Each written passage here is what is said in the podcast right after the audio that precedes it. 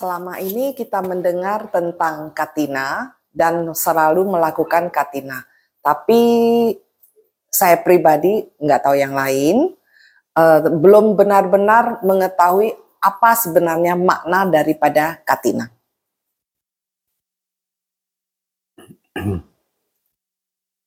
Katina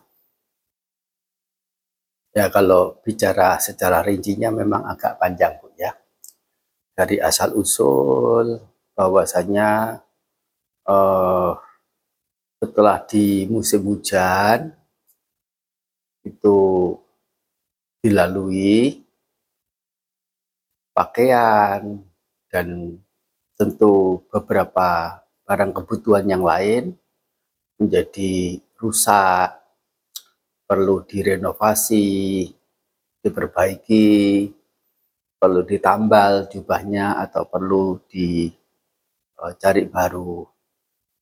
Kemudian ya ini dilihat oleh Ibu Wisaka. Menyampaikan kepada Sang Buddha boleh tidak berumah tangga uh, perdana jubah kepada para biku mereka yang uh, selesai menjalankan masa wasa sudah mau uh, sebagian uh, menuju ke tempat-tempat yang lain. Nah, Sang Buddha mengizinkan di uh, upacara dana di masa Katina itu termasuk dana yang khusus karena mendapatkan perizinan langsung dari Sang Buddha. Dan Katina ini eh, tidak sembarang biku, tidak sembarang waktu. Hanya biku yang telah menjalankan masa wasa lengkap, tidak cacat selama tiga bulan penuh. Melakukannya juga satu tahun sekali saja di satu tempat. Dan kurun waktunya hanya dalam satu bulan, yaitu di bulan terakhir di musim hujan. Nah, jadi sangat terbatas. Pada awalnya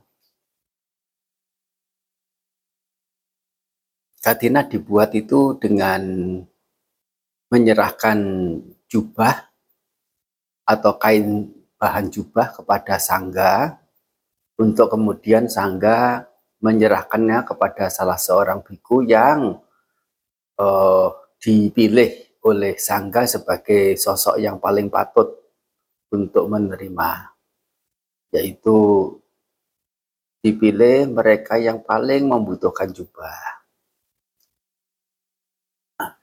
Dipilih juga mereka yang punya kontribusi besar terhadap komunitas. Komunitas para biku, sebagai pengajar para biku, sebagai ini itu dan sebagainya. Nah, jika masih ada beberapa yang lain yang sama seperti itu, dipilih usianya yang paling tua siapa?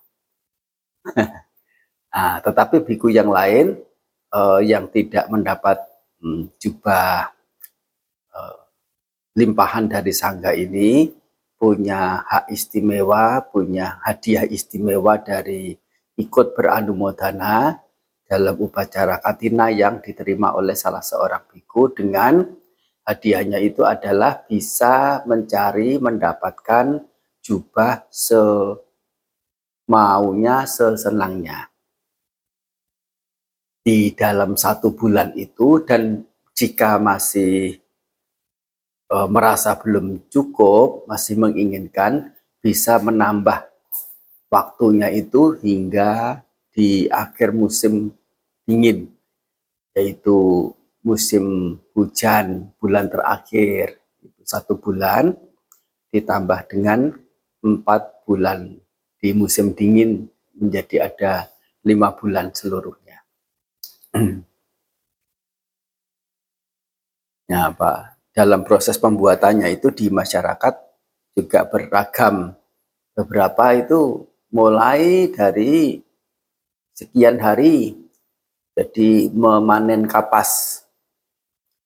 Memanen kapas untuk kemudian dipintal menjadi benang ditenun dijadikan kain jubah. Kain jubah yang diserahkan kepada sangga diberikan kepada sangga dan diserahkan kepada biku biku itu bagaimana pencaranya harus membuatnya menjadi jubah selesai di hari itu juga. Kalau tidak selesai, katinanya dianggap gagal. Oh, katinanya itu dianggap gagal. Para biku tidak mendapatkan hadiah dari katina, sehingga eh, di sini biasanya para biku yang lain selain penerik biku yang menerima jubah dari sangga, pemberian ya donatur itu, mereka saling uh, membantu, termasuk perumah tangga juga membantu bisa. Membantu memotong, membantu mengukur, membantu mencelup, ya, membantu menjahit lagi, membantu mengeringkan sampai selesai di hari itu. Hingga dengan selesainya kain jubah itu para biku bisa mendapatkan anisangsa atau hadiah dalam turut bersuka cita dalam upacara katina. Katina sendiri, kata katina itu artinya adalah bingkai. Ah, artinya adalah bingkai. Yaitu kayu yang dibuat bingkai yang digunakan untuk membentangkan kain sewaktu kain itu akan diukur atau akan dipotong. Nah, tapi itu sudah menjadi uh, nama yang turun temurun. Ya, ya seperti kita menggunakan menggunakan kata, menggunakan istilah yang sesungguhnya kurang begitu cocok dengan inti apa yang dilakukan, tapi karena itu sudah merakyat ya sudah mengatakannya seperti itu istilahnya ini kan berarti sudah uh, uh, kejadian turun seperti tadi Bante bilang turun yeah. temurun yeah. juga berdasarkan uh, uh, situasi tempo uh, masa lalu. Yeah. Nah untuk zaman sekarang kita ini yeah. kita bicarakan seperti uh, bicarakan Indonesia. Indonesia Sangha hanya sedikit, yeah. Ya. uh, bantainya sedikit, ya. umatnya yeah. lebih banyak. Yeah. Berarti jubah atau barang-barang persembahannya jauh melebihi yang dibutuhkan. Yeah. Sedangkan kalau di Sri Lanka uh, misalnya atau di India itu umat uh, sanghanya jauh lebih besar uh, kalau dibandingkan dengan di Indonesia. Hmm. Di sana apakah ada kekurangan uh, untuk persembahan ini, sedangkan di Indonesia ada kelebihan begitu. Ya, sesuai dengan waktu, zaman, tempat, ya. Hmm. Uh, di beberapa tempat kayak di Thailand saja itu sewaktu 50-an tahun yang lalu, tidak lama. Kalau 50 tahun bagi perkembangan agama Buddha di Thailand, sesungguhnya bukan waktu yang lama sekali.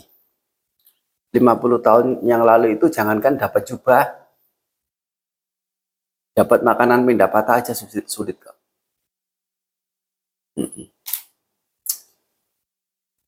tahun, 60 tahun, apalagi 70 tahun yang lalu, apalagi mendapat makanan pata aja susah.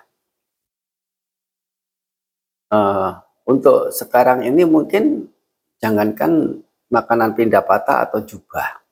Barangkali para apa namanya eh, orang-orang yang berkecimpung di urusan keagamaan, baik biku maupun perumah tangganya, sudah uh, mendapatkan support atau mendapatkan dukungan sedemikian rupa, sehingga kesannya itu adalah kesan berlebihan. Sampai kemudian pindah patah itu tidak usah jauh jalan ke mana begitu. Umat temannya sudah datang menunggu depan wihara untuk bikunya keluar dari pagar wihara. Gitu sudah penuh balik lagi sudah. Untuk untuk ya ini beberapa wihara yang saya lihat. Hmm. demikian pula juga untuk Indonesia uh, waktu ya 30-an tahun yang lalu cari cari jubah itu sulit sekali uh, dapat jubah lungsuran itu aja sudah bahagia. Iya. Dapat jubah dari biku yang lain, masih layak pakai. Nah, itu aja sudah bahagia. Hmm. Ya, apa namanya? Banyak tempat ya termasuk salah satunya itu umatnya kurang mengerti, juga mungkin umatnya jumlahnya juga terbatas, uh, yang lainnya juga ada sekian jumlah kesibukan, ya jangan berpikir juga bantai-bantai yang ada di sekian daerah itu mendapatkan kenyamanan yang bagaimana dalam keseharian.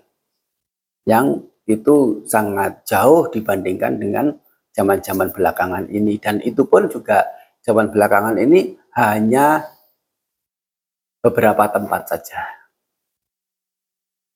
Ya, apa yang kita lihat di sini mungkin ya seperti ini.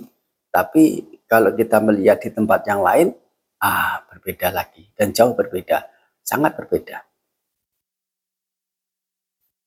Kalau kita misalnya membandingkannya misalnya dengan ya tentu komunitasnya yang berbeda, profesinya yang berbeda, profesi bercocok tanam seperti di daerah pedesaan di Jawa Timur, pedesaan di Jawa Tengah, pedesaan di Lombok sana itu, nah, ya mereka di Dayak di itu Kalimantan Selatan, Kalimantan Timur. Ya apa hari-hari ya ya memang mereka sebagian adalah hmm, Buddhis dan uh, apa namanya punya semacam inisiatif untuk mendukung perkembangan kelancaran uh, kegiatan keagamaan Buddha. Hanya mereka juga punya keterbatasannya sendiri. Bagaimanapun berbagi, berbagi kepada satu sama lain, kepada mereka yang membutuhkan, sangatlah bagus. Yang berlebih berbagi kepada yang sedang kekurangan, apakah Bante boleh meminta yang kekurangan itu? Uh, katina itu untuk untuk upacara katina bikunya tidak boleh meminta. Uh, jangankan meminta, jangankan meminta, hanya ngomong yang menjadi pertanda bahwa biku yang ada di wihara itu uh, memerlukan host, memerlukan uh, donatur untuk bisa para bikunya bisa melakukan katina. Misalnya, contohnya, eh tahun ini uh, agak kering ya, hujan hujan nggak begitu banyak turun, uh, tanam-tanaman uh, tumbuhnya tidak begitu baik. Hmm tapi dengan situasi dengan suasana yang menjurus ke ya apa namanya ini belum wihara belum ada loh yang menjadi hostnya untuk yang apa perdana uh, jubah katina hmm, kebutuhan-kebutuhan. Jika umatnya itu mengerti oh bantenya butuh uh, donatur butuh host untuk upacara katina di wihara ini. Setelah mengetahui itu, umatnya ini ngomong, Bante, saya nanti yang akan menjadi hostnya. Atau misalnya berkata, Bante, nanti saya mencarikan orang untuk mencarikan untuk menjadi host eh, dalam perdana katina. Katina yang ada di, dilakukan di wihara itu, di sangga itu, itu adalah katina yang gagal. Tidak usah, tidak usah langsung meminta. Tidak apa, tidak meminta secara langsung sekalipun, ya jika umatnya sadar bahwa oh bikunya butuh, ya itu aja sudah gagal. Nah, biku bisa minta untuk kasus-kasus yang lain, seperti misalnya eh, kasus misalnya memang diperlukan sangat diperlukan. Eh, jubahnya betul-betul tidak ada. Entah itu karena kalau zaman kalau zaman dulu sih dicuri begitu ya. Sekarang mungkin juga itu enggak usah itu mungkin nggak ada ya yang curi jubah ya. Ah, eh, koyak bisa jadi. Atau mungkin perjalanan dengan pesawat nah bagasinya alih-alih turun dengan penumpang eh larinya ke Norwegia sana. Ada ya kasus seperti itu ya. Ah, bikunya nggak ada jubah hmm, bagasinya lari dari penumpang.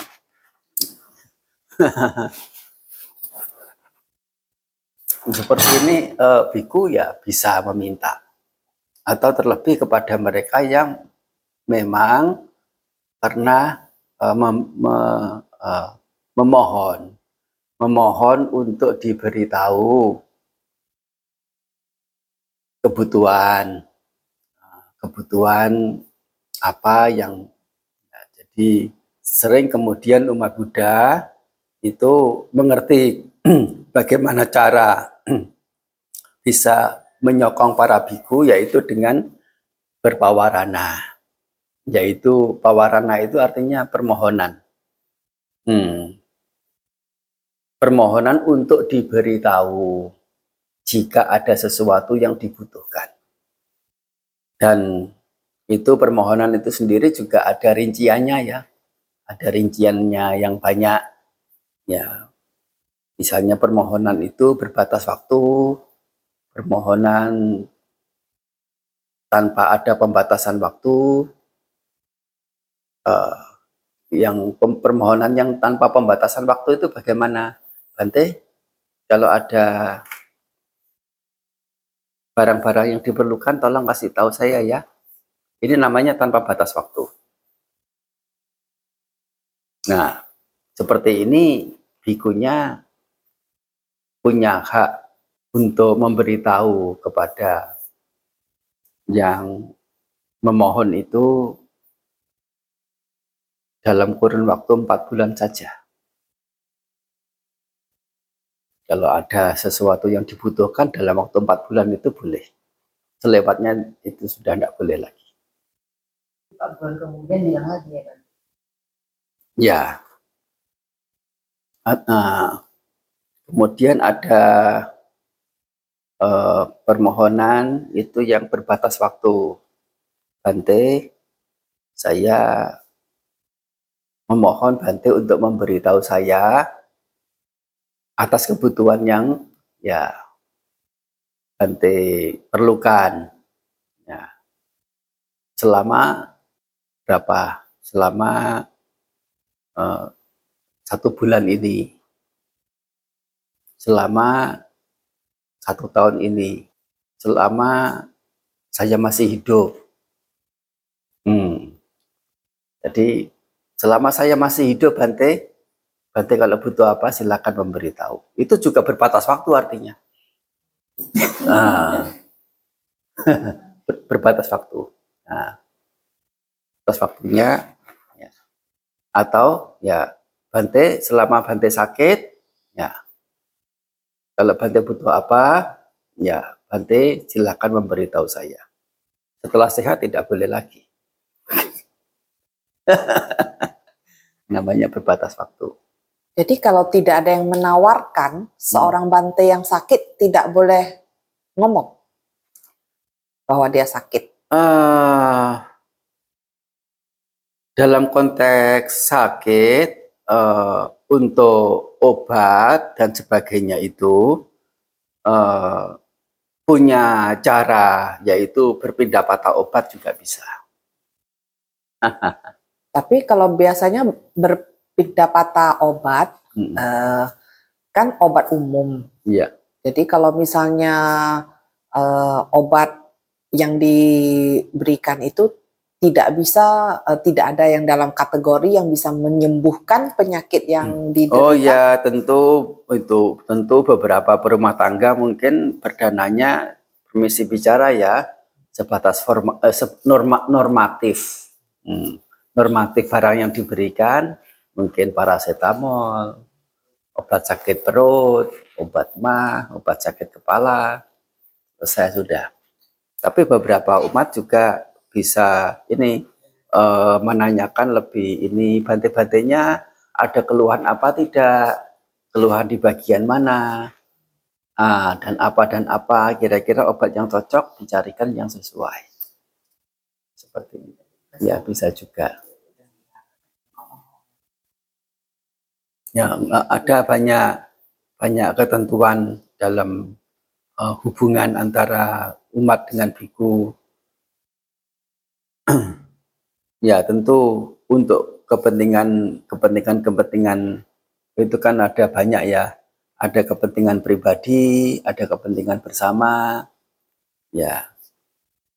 Eh, kalau kepentingan bersama itu misalnya ya ya sekarang kan ada yang namanya eh, lembaga ada yang namanya apa rumah tangga juga punya kontribusi yang jelas dan pasti dengan kelembagaan itu misalnya perkumpulan A, B, C, D di dalamnya ada anggota para rumah tangga, para biku dan sebagainya ya.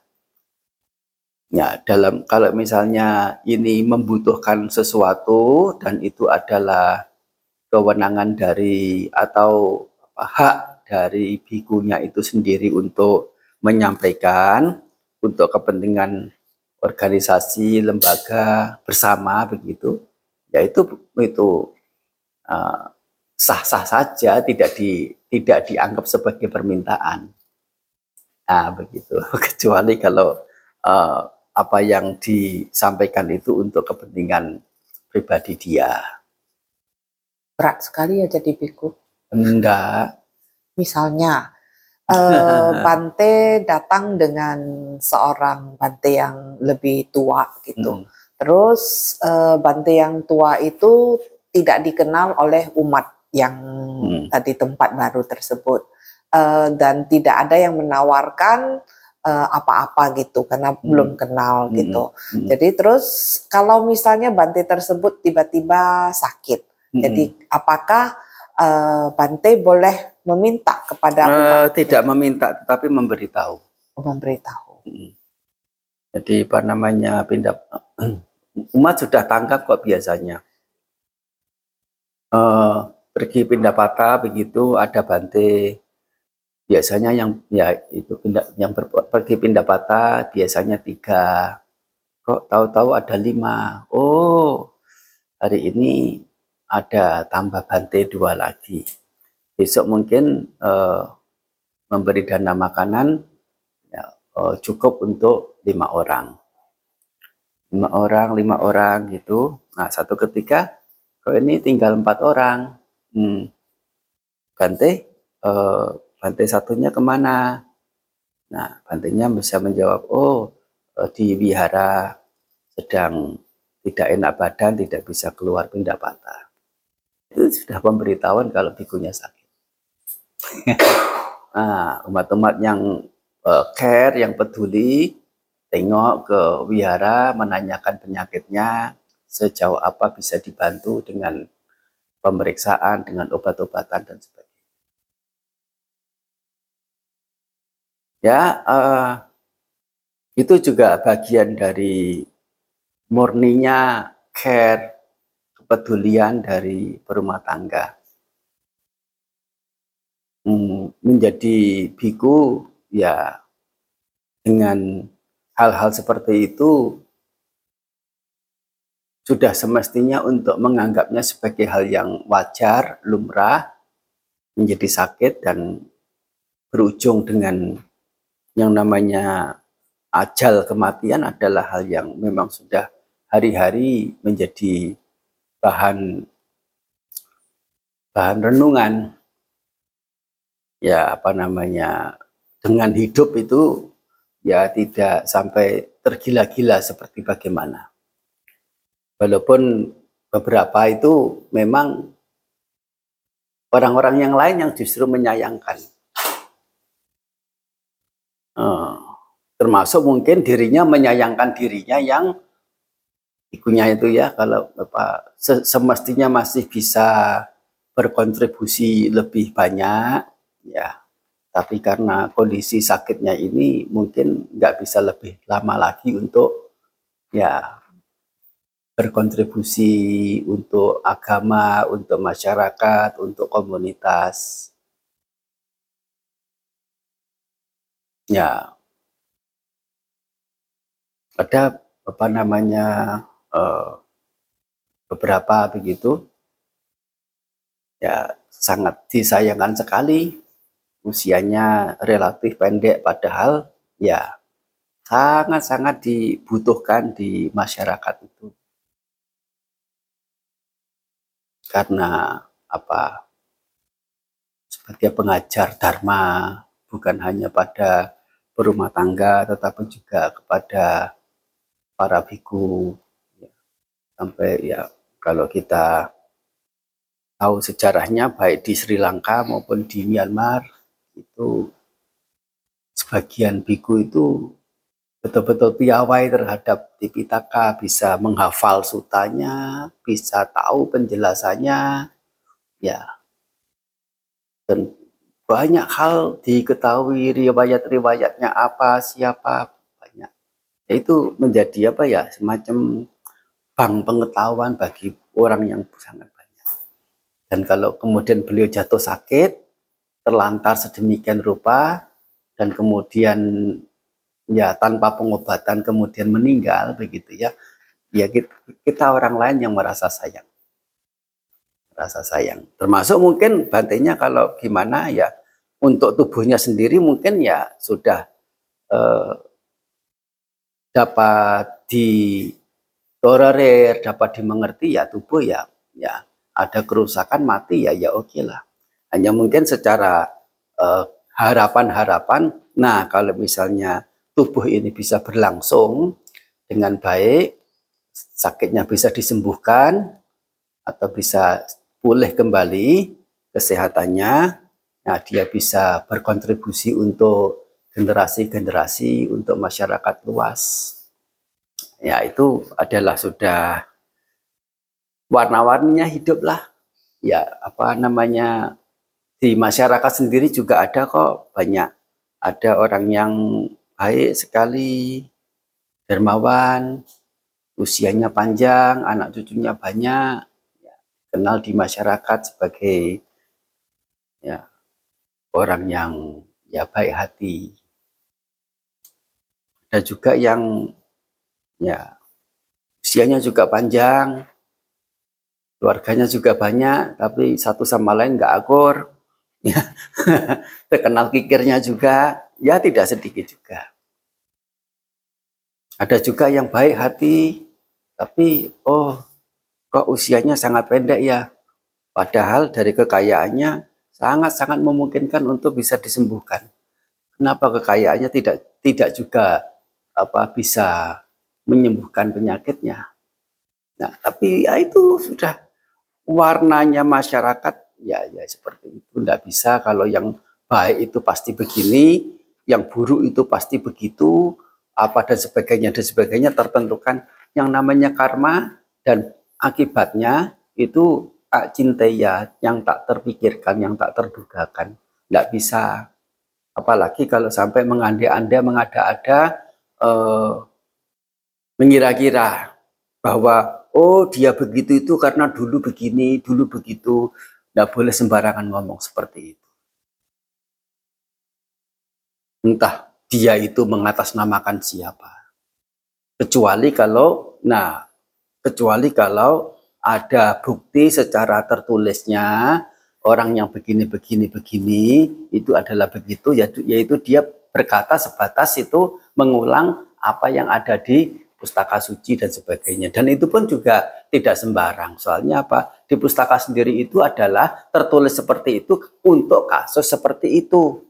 Case yang seperti itu, spesifik seperti itu, tidak bisa untuk digunakan menyeluruh semua. Tidak bisa juga. Ah, itu apa namanya Bu ya? Uh, nanti kalau ngomong lebih banyak lagi nanti bisa melebar ke mana-mana. kalau tidak di rem untuk balik ke topik bisa larinya ke mana-mana. Sebelah sana bisa dengar? Oh iya, jelas ya. Nah. Ada pertanyaan sambungan tentang hal ini boleh silakan. Pertanyaan apa yang terkait boleh. Hmm. Ya. yang Indonesia sama kemudian Semua sama bulannya berarti. Uh, uh, sistem penanggalan kan juga banyak rumus, banyak banyak cara penghitung penghitungan. Ya misalnya di beberapa waktu itu masuk puasanya beda satu bulan. Hmm, begitu. Kadang Waisak ya di Indonesia bulan Mei, ya di negara lain bulan Juni. Nah, secara umum Waisak kalau di Mahayana itu kalau nggak salah di bulan April, sedangkan di Theravada di bulan Mei, yaitu sebatas penghitungan tanggal yang sudah turun temurun beda dinasti. Nah, coba nanti dinasti Tang punya pengaturan penanggalan sendiri diganti dengan dinasti Song beda lagi penanggalannya dinasti Ming beda lagi penanggalannya tidak bisa kita sistemnya diganti. Dan itu adalah negara punya kewenangan. Nah, begitu. Tidak bisa kemudian satu Buddhis internasionalnya bagaimana? Internasionalnya siapa? Cina punya sendiri, Myanmar punya sendiri, Sri Lanka, India punya masing-masingnya. Ya.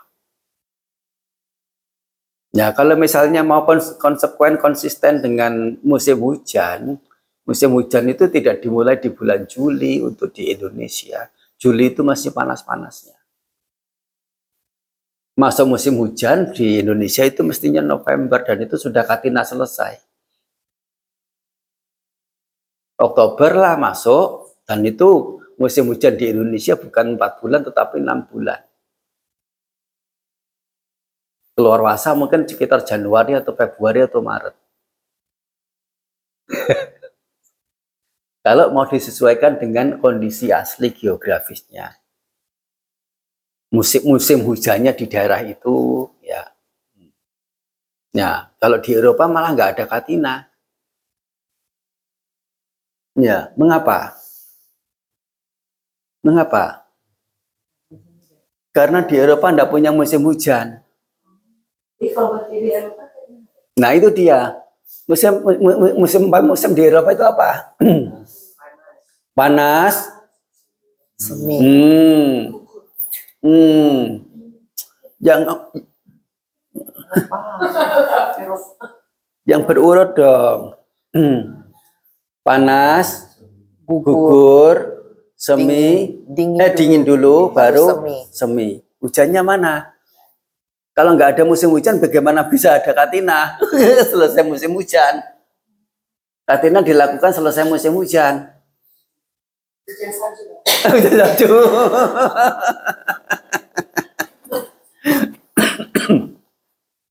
hmm. Kalau di India musim hujan dulu, baru musim dingin. Dan musim dingin itu ada saljunya juga beberapa. Tapi itu tidak dianggap sebagai musim hujan dan musim dingin. Nah, jadi bagaimana? Ya, mereka tetap menggunakan patokan India musim satu tahun ada tiga musim masing-masing terdiri dari empat bulan dan musim hujan dimulai di sekitar Juli. Nah, musim dingin dimulai sekitar November. Ya, seperti begitu. E, di mana pun tempatnya ya aturannya sudah dibuat customnya seperti itu. Ya ini ya tidak tahu kebijakan seperti ini, kebijakan yang sudah sesuai bagaimana, uh, saya tidak dalam posisi untuk menilai, oleh karena hmm,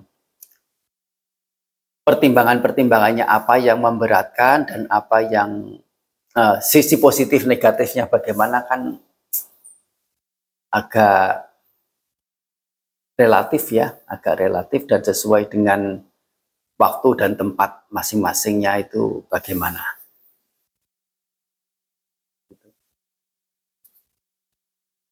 Satu ya, saya ya. Nggak ada pertanyaan yang lain. Oh ya, ah, silakan.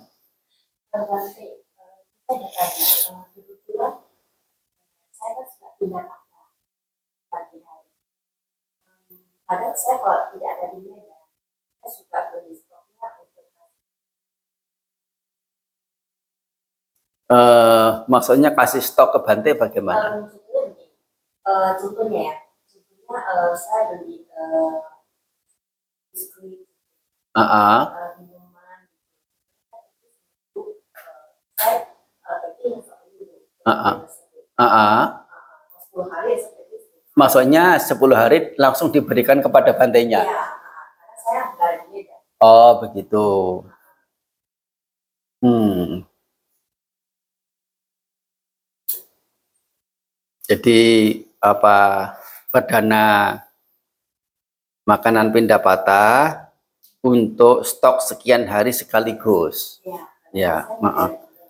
Iya, apa namanya ini? E, para biku memakan makanan yang dia terima pada hari itu saja.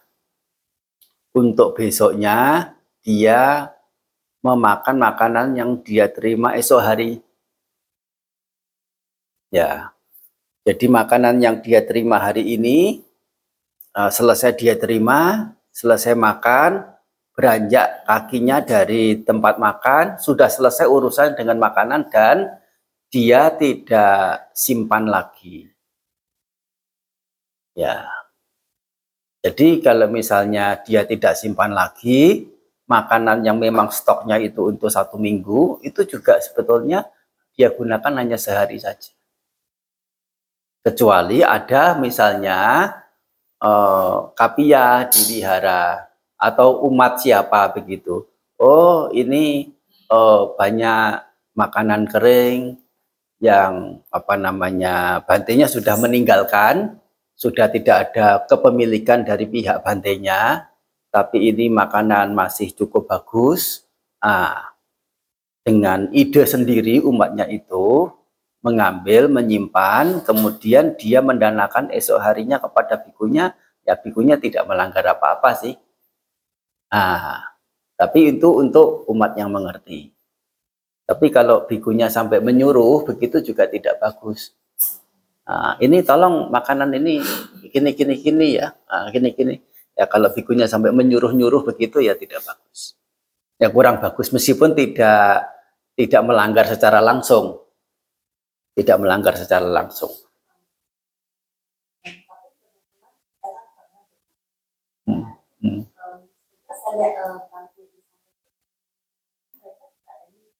Nah, sebagai katanya uh, makan itu kan Mm -hmm. Jadi mereka rata-rata uh Oh ya, ya. Uh, uh, uh, pendapatannya sekali di pagi hari disimpan untuk makan siang dia, enggak apa-apa. Ya, enggak apa-apa. Mm -hmm. uh, seorang itu dia boleh juga uh, iya. Jubah yang dimiliki yang menjadi kepemilikan para biku itu hanya satu set terdiri dari tiga lembar. Selainnya itu dia bisa simpen yang namanya jubah lebihan. Jubah lebihan itu tidak tidak ditentukan berapa jumlahnya.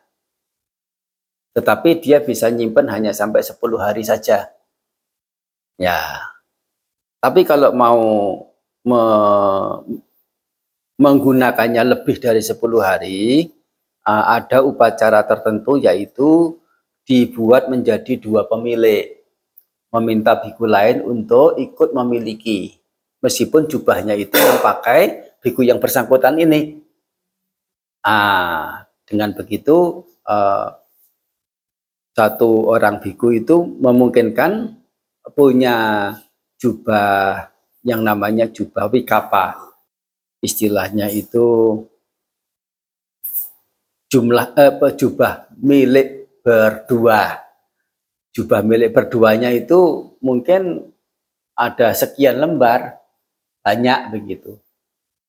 Tetapi ya tentu hmm, itu sudah kembali ke ranah pribadi biku yang bersangkutan kalaupun jubah yang dia terima dari perumah tangga banyak jubah yang dia miliki sendiri cukup tiga lembar sesuai dengan winaya dia menjalankan winaya jubah yang apa milik berdua hmm, yang juga diizinkan oleh Winaya tapi dia punya jubah ini apa namanya uh, jubah milik berdua itu sebanyak puluhan lembar. Sebanyak ratusan lembar. Berlebihan ya? Meskipun diizinkan di wilayah boleh, itu enggak terbatas. Kalau punya itu juga uh, yang bisa dimiliki uh, berbagi milik uh, satu dengan biku yang lain. Ya tidak tidak dibatasi berapa, tapi hmm, tapi yang seperti itu jarang lah ya seperti begitu ya. hmm.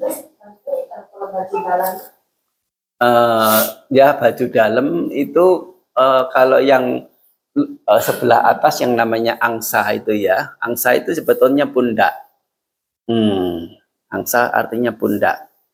Kain angsa ya kain pundak kain pundak kain yang di dalam. Itu sebetulnya tidak masuk dalam kriteria bagian jubah biku. Nah yang masuk dalam bagian jubah biku itu adalah sarung di bawah jubah untuk penutup dan jubah pelindung yang namanya sanggati. Tiga lembar.